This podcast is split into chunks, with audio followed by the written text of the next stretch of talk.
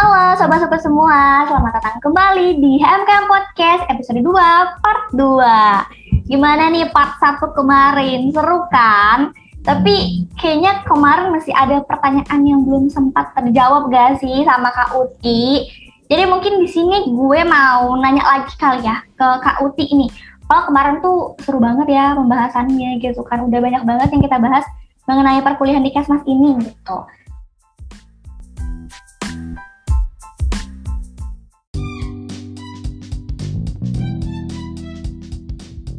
Oke, pada waktu part satu kemarin itu gue nanya nih, kayak di Kesmas tuh ada nggak sih praktek gitu dan Kak udah belum kayak praktek itu dan mungkin ceritain kali ya sedikit sharing-sharing nih mengenai praktek yang udah dijalani sama Kak Uti.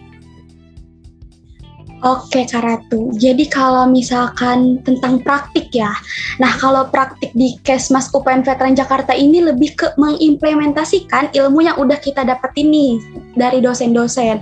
Misalnya, kalau aku alamin di semester 4 kemarin itu di mata kuliah manajemen bencana atau yang bisa kita panggil dengan Manben dan juga ada perencanaan dan evaluasi kesehatan atau yang bisa kita sebut dengan PEK.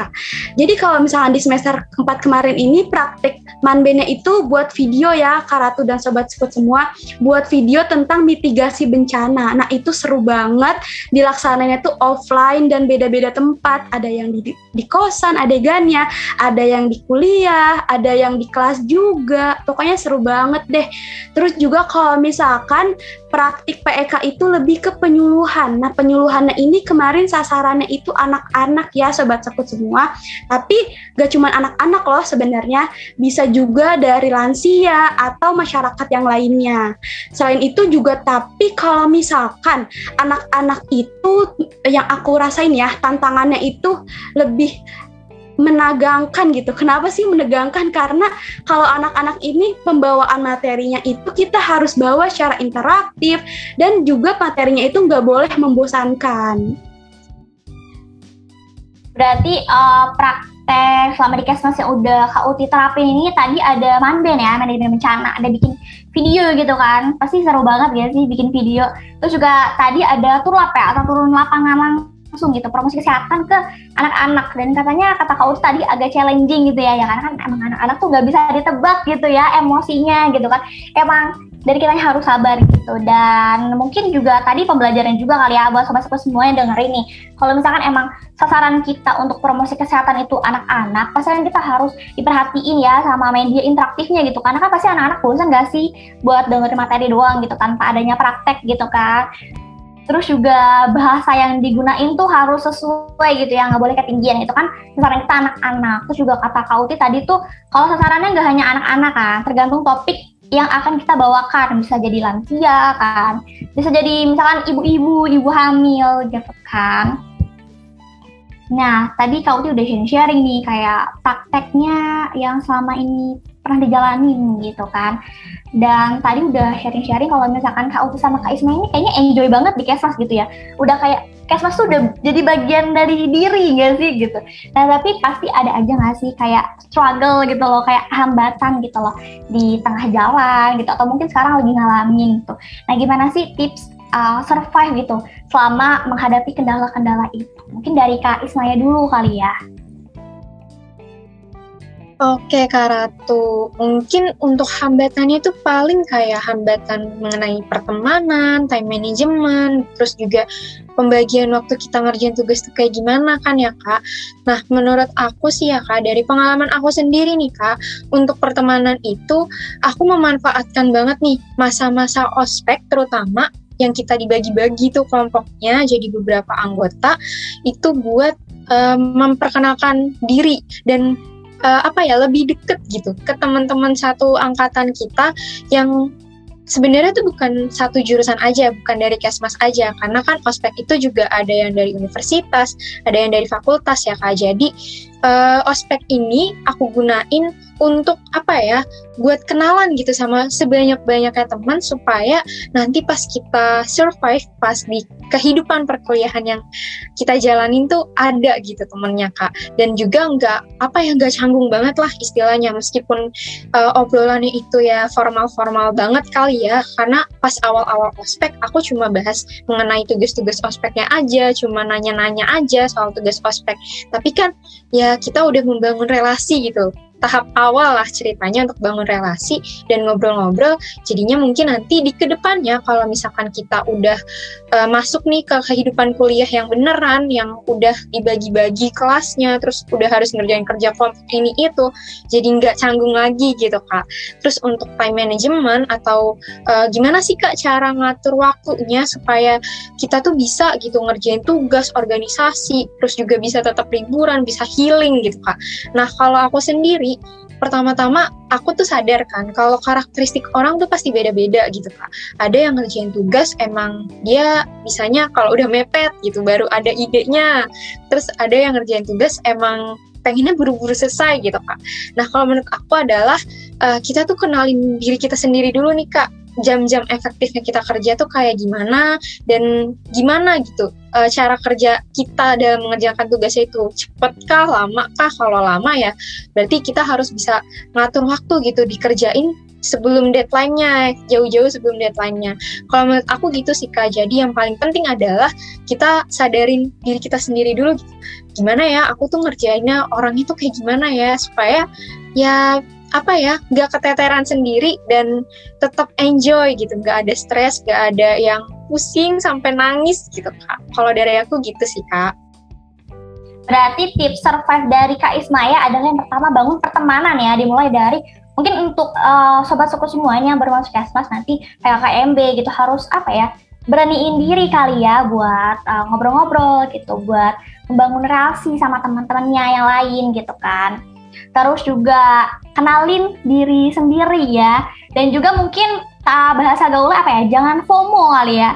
Jangan apa ya? Jangan lihat orang lain tuh kayaknya kok dia udah kayak gini ya? gitu. Sedangkan gue masih kayak gini gitu. Nggak apa-apa ya. Semua itu pasti ada prosesnya gitu. Semua itu uh, progres kecil apa pun tetap progres gitu karena akan menghasilkan sesuatu yang besar nantinya. Tadi ada tips survive di case masuk PNVJ ala Kak Ismaya. Kalau misalkan ala Kak Uti gimana nih? Oke Kak Ratu, wah mantep banget ya tips survive dari Kak Ismaya ini. Kalau dari tips aku ya Sobat Sekut semua dalam pertemanan nih, coba mungkin Sobat Sekut ini harus pintar-pintar ya dalam mencari teman yang bisa berprogres bareng. Karena yang aku rasa ini selama semester 4 ini, pertemanan ini berpengaruh banget loh selama perkuliahan. Misalnya ada info terkait volunteer. Nah nanti bisa nih di-share ke teman-teman Sobat Sekut buat ikut join juga ya. Karena benefitnya itu selain untuk mengisi CV juga dapat meningkatkan relasi dan juga soft skill. Kalau misalkan ditanya tentang time management nih sobat sekut, kalau tips dari aku biasanya kalau aku tuh nerapin selama perkuliahan ini dengan prioritas dan juga harus kita susu nih berdasarkan skala prioritas juga ya sobat sekut. Misalnya ada dua kegiatan antara misalkan tugas kuliah sama tugas rapat misalkan ada rapat nih rapat dadakan nah kita harus milih nih di antara dua itu mana sih tugas atau kegiatan yang dikumpulin lebih dulu nah ternyata tugas kuliah ini lebih penting dan lebih ngumpulinnya itu lebih duluan gitu sobat sekut. Nah, jadi kita harus prioritasin dulu tugas kuliahnya dibandingkan rapat. Nah, itu harus pintar-pintar sobat sekut ya untuk time management. Selain itu ada di organisasi. Alhamdulillah aku ikut dua organisasi, jadi lumayan hektik ya sobat sekut. Nah gimana sih cara aku dalam memanajemen waktu di organisasi ini? Jadi kalau misalkan di organisasi ini intinya sobat sekut jangan hanya ingin dilihat keren aja atau jangan pengen dilihat sebagai wah famous ya dipandang sebagai anak organisasi gitu. Nah itu harus dihindari ya sobat sekut semua. Intinya kalau misalkan kita ikut organisasi, kita harus ingat tujuan kita itu apa untuk ikut organisasi. Misal untuk meningkatkan public speaking, untuk meningkatkan relasi. Nah kita harus ingat nih tujuan awal kita untuk organisasi. Dan tadi izin nambahin juga untuk tips dari Kak Ismaya, kita nggak boleh ikut-ikutan teman untuk ikut kegiatan gitu, misalkan ikut kegiatan organisasi atau kepanitiaan, kita harus menyesuaikan dari diri pribadi masing-masing. Gak kalah keren ya tips survive ala Kak Uti sama ya tadi mengenai pertemanan gitu. Jadi pertemanan ini penting banget ya gitu. Pinter, harus apa ya, pinter-pinter milih teman yang baik gitu yang bisa membawa kita ke arah kebaikan gitu biar kita makin semangat gitu ya belajarnya gitu. Terus juga tadi ada harus bikin list prioritas nih. Jadi jangan sampai kayak yang seharusnya tuh dikerjain duluan malah jadi belakangan gara-gara nggak apa ya nggak ada list prioritas itu kali ya. Jadi biar time management itu bagus gitu. Terus tadi kata Kak Uti kalau misalkan kita, kalau misalkan sobat-sobat semua nih yang udah di organisasi atau yang mau nih masuk organisasi harus tahu nih tujuan untuk masuk organisasi tuh dari awal tuh apa gitu. Jadi jangan cuma keren-kerenan doang dan jangan ikut-ikutan teman ya. Karena apa ya? Karena kan kalau ikut-ikutan teman, ya itu kan kemauan teman gak sih, bukan kemauan kita gitu kan. Jadi takutnya uh, kita tuh malah berhenti di tengah jalan karena emang itu nggak sesuai minat kita gitu. Oke, dari tadi tuh gue ngomong mahasiswa baru, mahasiswa baru gitu kan.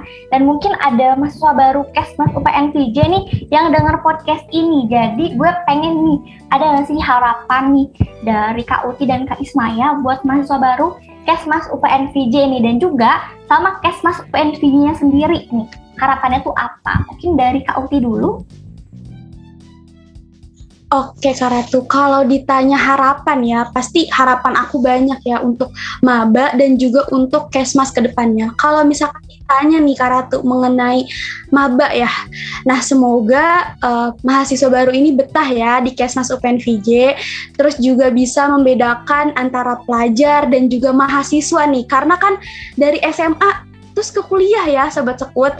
Nah itu harus dibedain ya karena mahasiswa ini memiliki tanggung jawab yang lebih besar nih sobat sekut. Selain itu harus mengutamakan akademik dan kita juga harus mem memilih teman yang bisa untuk kita ajak berprogres gitu ya sobat sekut semua. Kalau misalkan ditanya harapan aku untuk Kesmas ya. Nah, semoga sobat sekut semua nih sebagai calon tenaga kesehatan masyarakat harus dapat meningkatkan derajat kesehatan masyarakat dan mampu untuk menciptakan SDM yang unggul dan juga berkualitas nantinya.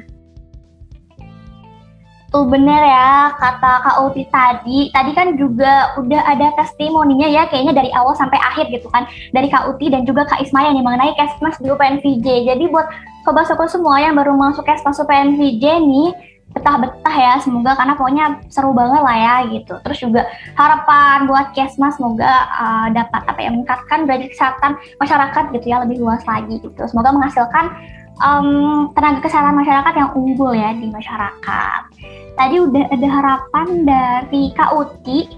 Mungkin sekarang harapannya nih dari Kak Ismaya, aku mau denger. Oke, Kak Ratu. Dari aku sendiri, harapan buat Sobat Sekut semuanya nih, harapan aku adalah semoga Sobat Sekut yang maba-maba nih uh, nyaman dan enjoy sama betah-betah gitu belajar di Kesmas UPN Veteran Jakarta ini. Karena sebenarnya sobat sebut semua itu nggak perlu takut nggak perlu banyak pikiran kayak takut kah kayak gini kayak gini nanti di kuliah. Karena sebenarnya lingkungan di UPN Veteran Jakarta terutama di Kesmas itu tuh nyaman dan sebenarnya mendukung banget untuk kita berkembang untuk kita belajar. Karena dari teman-temannya kakak tingkat kakak tingkatnya bahkan sampai sampai dosennya itu semuanya enak untuk diajak tukar pikiran dan diskusi. Jadi sobat sekut semuanya jangan ada yang khawatir, takut uh, gimana-gimana gitu nantinya.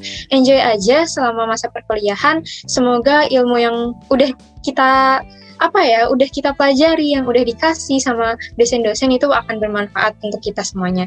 Dan harapan aku khusus uh, umumnya untuk kesmas itu adalah supaya nggak uh, cuma selama kita kuliah aja kita bisa menyampaikan pesan-pesan kesehatan tapi juga setelah kita lulus nanti udah jadi lulusan kesmas nih kak ceritanya. Semoga pesan-pesan kesehatan itu selalu kita bawa dan dapat kita implementasikan selama-lamanya selama kita hidup lah intinya gitu kak Wih, kata Kak Ismaya juga semoga enjoy ya, karena mulai dari temennya asik-asik ya, mulai dari kakak tingkatnya juga asik-asik gitu kan. Kalau misalkan sobat-sobat semua nih mau tanya apa ya materi di semester berikutnya bisa tanya aja nih cutting pasti cuttingnya tuh welcome pasti cuttingnya tuh open banget gitu ya. Dosennya juga ya masih pada muda masih pada semangat gitu kan untuk ngajarnya.